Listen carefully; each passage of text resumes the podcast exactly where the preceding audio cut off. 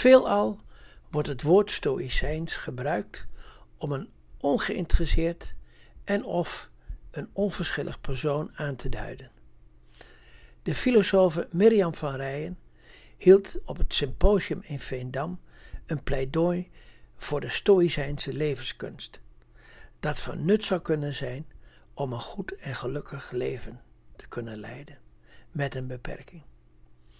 Maar wat kenmerkt nu eigenlijk die stoïcijnse levenskunst? Het niet mee te maken van accepteer de dingen die toch niet kunnen? Ja, als, je, als dat, uh, ja, dat kan. Ja. Dat is de stoïcijnse visie. Dat je de dingen die, waarvan je weet uh, dat ze toch niet uh, kunnen, dat je daar geen energie in steekt. Hè. Een befaamde zin van Epictetus, een van de grondleggers van de Stoïcijnse filosofie, dat is precies dat onderscheid maken. En voor mij is in de filosofie, als kritische filosofie, is onderscheid maken tussen verschillende zaken een ontzettend belangrijke vaardigheid. Dat je goed onderscheid weet te maken, niet alles op één hoop gooit. En de Stoïcijnen die hebben één zin. Uh, dan zeggen ze, uh, alles waarvan ik weet dat het niet in mijn macht ligt, daar ga ik me ook verder niet druk over maken en ook verder helemaal niks mee doen. Ik accepteer dat er dingen zijn die niet in mijn macht liggen. Zoals het weer. Nou, nog. Dan verklaar je precies wat ik net zei. Ja, Ja, ze geeft het begrip precies aan. ik probeer het nu inderdaad uh, te, te, beschrijven in, mijn, in, of in termen van die Stoïcijnse filosofie. De tweede is dat als, als, als jij denkt dat iets wel in je macht ligt, doe het dan alsjeblieft. He, dit, dit, is echt de tweede regel, dus het verbaast mij ook altijd als mensen denken dat stoïcijns zijn is dat je alles maar over zijn kant laat gaan. Nee, alleen de dingen die je niet in je macht hebt om te veranderen. Dus dat je je energie overhoudt om de dingen te veranderen die wel, denk je nog, in jouw macht liggen. En dan, nou ja, je probeert het, dan zie je van wat schip strandt. En, um, dus er zijn twee, en, de, en als je het niet weet, dan is dan de derde mogelijkheid. Ik weet niet of dit wel in mijn macht ligt. Dan zeg ik in elk geval altijd, probeer het maar. Dan zie je wel waar het schip strandt.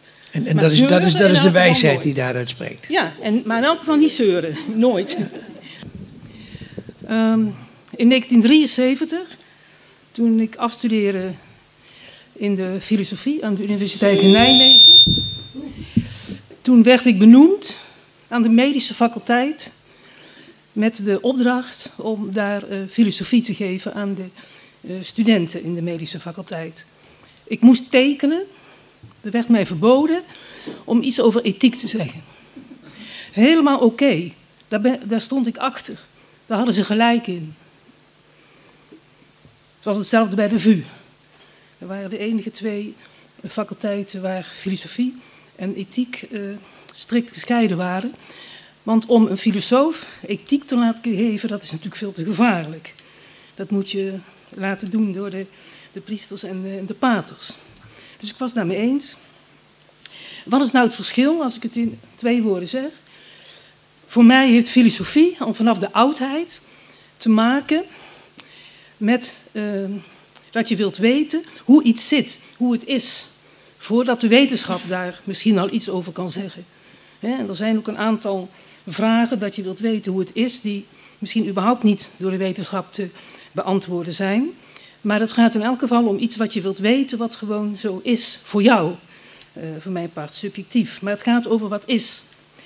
Ethiek gaat niet over wat is, maar gaat over wat er volgens iemand moet of niet mag. En daarom zie je daar ook, eigenlijk ook in Nederland, hele grote verschillen.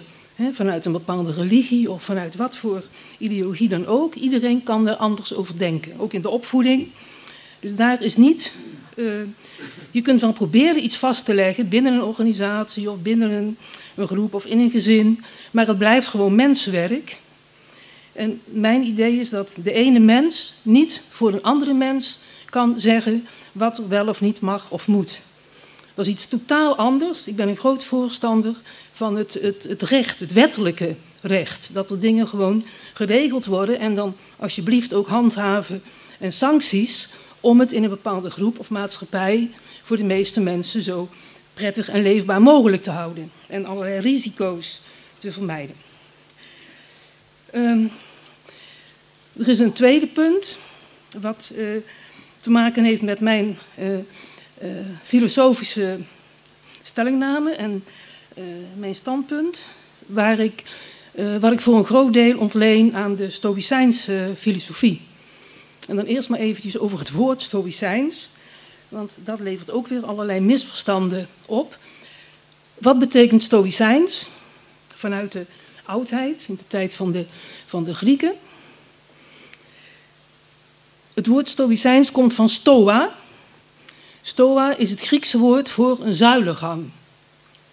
Die zuilengang die was in Athene aan de rand van de markt. U weet, Socrates liep op die markt en uh, ondervroeg mensen. Daar ga ik het niet verder op door. Maar je had andere filosofen, andere filosofische scholen. En die hadden allemaal zo hun plek. Epicurus, de genotzoeker, die uh, had zijn tuin waar hij mensen ontving. En daar stond boven, treed hier binnen vreemdeling. Hier kun je een boterham met kaas krijgen en een glas water. Het is dus heel bijzonder. Dat is Epicurus, de epicurist, de genotzoeker. Uh, een prachtig gedicht van Ida Gerhard over Epicurus heeft als titel Wij kozen soberheid tot bondgenoot. Dat was namelijk Epicurus. Op de een of andere manier is dat woord epicurisch en, uh, genot, hedonisme, wat ook uh, iets is de, voor de, genotzoeker, dat is op de een of andere manier iets geworden van overdaad en, en restaurants in Frankrijk die heten steeds meer restaurant epicurien. En dan bedoelen ze niet dat je daar die boterham met kaas en dat glas water kunt krijgen, wat Epicurus daarmee bedoelde. Dat zijn dan de meest luxueuze restaurants. Dus je ziet hoe bepaalde begrippen toch door de eeuwen heen kunnen uh, veranderen. Uh, mijn, uh, wat ik het meest doe met filosofie, want ik sta eigenlijk een praktische filosofie voor. Dat wil zeggen, voor mij is filosofie eigenlijk alleen maar nuttig of ook leuk als ik ehm, als ik daar iets mee kan veranderen. Oftewel, concreter, als uh, mensen een bepaalde idee hebben waar ze last van hebben, dan kan ik die gedachten die ze hebben, die hen die last geeft, die kan ik dan misschien als filosoof eens kritisch bekijken, met hen daarover praten. En dan kan er misschien ook iets veranderen aan hoe iemand zich voelt. dus ik heb een cognitieve opvatting van emoties, heet het dan in de filosofie. Dat een emotie, een bepaald gevoel, een vervelend gevoel met name, dat dat komt door, dat dat als oorzaak heeft, een eigen gedachte van iemand. Dat is goed nieuws, want als dat zou kloppen, dan zou je dus zelf er iets aan kunnen doen als je een vervelend gevoel hebt. Als je woedend bent, als je je schuldig voelt. Dat zijn ook trouwens gevoelens die niet zo mooi zijn of ook niet zo nuttig, die voor iemand zelf niet alleen een groot probleem kunnen zijn. Het is niet prettig om het te voelen, maar dat kan ook leiden in relaties of eh, in het verkeer of in allerlei andere situaties tot ongewenst gedrag naar anderen. Dus een emotie is voor mij eigenlijk niet iets moois. Dan gebruik ik het woord gevoel, een goed gevoel hebben, oké. Maar een emotie als woede, als schuldgevoel, die kan eigenlijk eh, ook heel veel uh, kwaad uh, aanrichten. Als filosoof heb ik een ander argument tegen emoties, zoals schuldgevoel, uh, woede. Hoe ontstaat namelijk zo'n emotie? Kan iedereen bij zichzelf nagaan. Je kunt niet een emotie krijgen alleen maar doordat je iets hoort of ziet, of dat het regent, of dat de zon schijnt, of wat voor verschijnsel dan ook de feiten, feitelijke zaken, neem maar weer de regen, dat is toch het makkelijkste voorbeeld misschien. Regen is niet in staat iemand een bepaald emotioneel gevoel te geven. Dat kun je ook zien aan het feit dat twee of drie mensen, als het regent, alle drie een totaal ander gevoel kunnen krijgen van die regen, zeggen ze dan. Dat kan dus niet, hè? Je kunt wel nat worden van de regen, maar een gevoel krijgen van de regen. En zeker dat drie mensen een verschillend, verschillende emotie zouden krijgen van, van regen. Nee. Hoe werkt het dan wel? Want daar ben ik als filosoof steeds naar op zoek. Hoe werken de dingen? Hoe zit dat nou? Hoe kan dat? Hoe komt dat? Wat is de oorzaak? Dat komt omdat die twee of drie mensen verschillend denken over de regen. De een die net naar het strand wou, die vindt natuurlijk dat het helemaal niet had mogen regenen. Dus die wordt kwaad. Iemand wiens een plantje staan te verdrogen, die vond dat het nou eindelijk wel eens een keer moest regenen. Dus je ziet er eenzelfde verschijnsel bij mensen emotioneel totaal verschillende uh, reacties kan geven. Dus het kan nooit, nooit, nooit een feit zijn. neem even een veel erger voorbeeld. Toen een aantal jaren geleden daar die vliegtuigjes in New York door die torens vlogen. Toen waren daar in de Verenigde Staten, ook in Nederland, heel veel mensen erg verdrietig, verontwaardigd, ik weet allemaal niet wat voor emoties ze hadden. Maar in andere landen werd er feest gevierd op straat. Dat kun je niet verklaren door het feit. dan moet je een beroep doen op hoe denken mensen over een bepaald feit. En wat blijkt dan? Ik werk vooral al vanuit de jaren 90, toen ik uh, vooral les gaf aan herintredende vrouwen in het middelbaar en hoger beroepsonderwijs, sociale studies. Uh, je kunt alleen maar een schuldgevoel krijgen als je zelf iets uh, doet of niet doet, hebt gedaan, niet hebt gedaan, bent vergeten, wat dan ook. Als je daar een norm over uh, uh, hebt.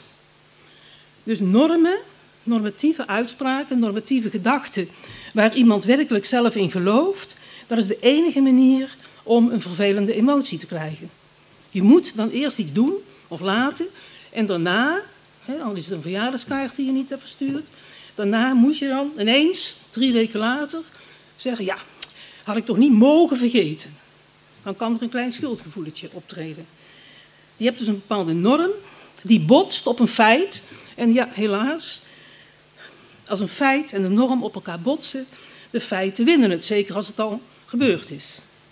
Dus de norm dat iets niet had gemogen, of juist had gemoeten, die heeft geen enkele invloed op uh, achteraf, in elk geval, op uh, de dingen die gebeuren. Het enige wat, wat zo'n norm, het geloof in die norm, kan veroorzaken, is het schuldgevoel of de woede als het om een andere mens gaat die iets doet wat jij vindt dat niet mag of had gemoeten. En, dus er zijn de normatieve gedachten die alle emoties verklaren. En wat ik dus als filosoof uh, doe, mijn manier van werken, die sluit aan bij de, de cognitieve psychologie, de rationeel-emotieve therapie binnen de psychologie, dat ik mensen bewust maak, want dat is toch vaak nodig. Want uh, ja, heel veel mensen heb ik gemerkt in die uh, 30 jaar dat ik al mee werk, dat iemand uh, wel weet wat iemand anders heeft gedaan, of wat hij zelf is vergeten of heeft gedaan. Maar, en, hij, en uh, ook zijn, de emotie, dat beleeft iemand. Maar hoe die twee met elkaar samenhangen, dat hebben de meeste mensen niet zo door. Dus die leggen niet zo makkelijk het verband tussen hun schuldgevoel of hun woede naar een ander toe en dat ze die zelf eigenlijk veroorzaken door hun normatieve gedachten over die ander, over, over het gebeuren. Uh, is het nou erg als mensen die normen, die de emoties veroorzaken, als ze die niet zouden hebben? Want dat wordt heel vaak dus uh, als een soort schrikbeeld gezien, alsof iedereen dan maar ineens, ik weet niet wat gaat doen. Nou, zo zitten de meeste mensen gewoon niet in elkaar. Ja? En zeker niet die mensen die er eerst kwaad om worden of schuldgevoel door krijgen. Die zitten dan helemaal niet zo in elkaar. Dus daar hoef je niet zo bang voor te zijn. Je kunt een heel ander motief hebben om uh, bepaald gedrag te vertonen of er, om ergens perk aan te stellen, om te zeggen dat je iets niet wilt en er iets tegen te doen. Daar hoef je niet die emotie voor te hebben, daar zul je iets voor moeten doen, zeggen, handelen. Dat kan in de werkelijkheid iets veranderen. Dus eigenlijk zou je die stap van het, uh, de vervelende emotie, daar heb ik het alleen maar over, over de vervelende emotie, die ook heel veel kwaad kunnen aanrichten tussen mensen, zulk gedrag, dat je die kunt missen als kiespijn. Het is wel uh, uh, nuttig, nodig, maar dat hebben de meeste mensen ook, om bepaalde opvattingen te hebben. Geen normatieve, maar gewoon feitelijke opvattingen van bijvoorbeeld ik wil dit niet hebben, ik kan dit niet aanzien. Maar dan breng je het terug waar, waar het ook thuis hoort, bij de, de mens zelf, bij het individu die bepaalde opvattingen heeft. Dus dan sta je eigenlijk voor, en dat bijvoorbeeld ook in de opvoeding heel goed. je kunt heel goed kinderen, wat we een opvoeden noemen, uh, zonder normatieve gedachten over te dragen. Je kunt gewoon zeggen, ik geef daar mijn geld niet aan uit en daarom, daarom, daarom. Ik wil dit niet hebben. Eh, dan, zo kun je een kind ook eh, leren dat er bepaalde eh, zaken zijn die voor anderen niet prettig zijn of die ongewenste effecten kunnen hebben. Dus de woorden moeten en mogen, die hoef je daarvoor niet te gebruiken, want die zijn ook filosofisch. En dat is eigenlijk mijn, mijn uh, punt, wat ik wil maken als filosoof. Filosofie staat voor mij aan de kant van de wetenschap. Dat je ideeën hebt over hoe iets is. En hoe het werkt en hoe het komt en wat de oorzaak is. Voor zover, zo is de filosofie ook ontstaan, meer dan 2000 jaar geleden. Voor zover mensen op dat moment nog niet in staat waren om te weten hoe het allemaal werkte in de natuur. En ook de, de artsen, dat ze nog helemaal niet wisten hoe nou precies een ziekte zou ontstaan. Dus dat er eigenlijk al uh, uh, een wetenschap in, in ja, uh, heel weinig nog echt wetenschappelijk bekend was. Maar de wetenschap die, die groeit, maar die gaat altijd over iets wat je ontdekt, hoe het werkt, wat er is. Dat is puur feitelijk. Die ontdekt geen normen. Wetenschap ontdekt geen normen. Die ontdekt gewoon feitelijke, causale verbanden. En dat is hartstikke handig, want zo je de oorzaak werkelijk kent, kun je er ook proberen iets tegen te doen of daarnaar zoeken. Filosofie is eigenlijk hetzelfde, heeft dezelfde drive als de wetenschap. Alleen gaat het dan om zaken waar we die oorzaak nog niet, of misschien wel nooit, uh, op een wetenschap, de wetenschappelijke kennis hebben voor de oorzaak. En dan kun je dus niet anders doen dan zelf als individu daar proberen toch een beetje idee van te krijgen hoe het, uh, hoe het werkt. Dus hoe het zit, hoe het is. Daar kunnen mensen ideeën over krijgen. Maar uh, dat betekent nooit dat je ook zult weten, want daar is geen manier. Bij wie moet je te raden gaan? Hoe zou een mens, of welke mens dan ook, maar één mens, een groep mensen, doet er niet toe. Hoe kunnen die erachter komen wat er moet en niet mag? De rechtspraak, oké, daar ben ik dus een groot voorstander van, heb ik geloof ik al gezegd. Want daardoor kun je het in een groep of in, in de maatschappij, kun je gewoon een aantal zaken regelen en dus ook voorkomen dat er dingen gebeuren die voor andere mensen niet prettig zijn. Maar dat heeft niets met ethiek te maken, dat is weer gewoon het uh, positieve recht. Hè. Positief, niet dat het leuk is. Het positieve recht is de vakterm voor het recht waar wij dus ook mee te maken hebben, wat feitelijk in een bepaalde maatschappij rechtsgeldig is gemaakt. Via verkiezingen of wat dan ook, dat doet er niet toe. Maar het is nooit iets van moraal. Het is altijd een, dat er iets is vastgelegd, regels, afspraken, die in die maatschappij rechtsgeldig zijn. En ik denk dat we het daar goed mee kunnen doen. Ik zou alleen zelf willen dat er in Nederland ook meer gehandhaafd werd. Maar het recht uh, hebben we, maar het aan de handhaving ontbreekt het. Ik begrijp, Jos, dat het. Hartelijk, hartelijk dank voor je boeiende verhaal. Uh,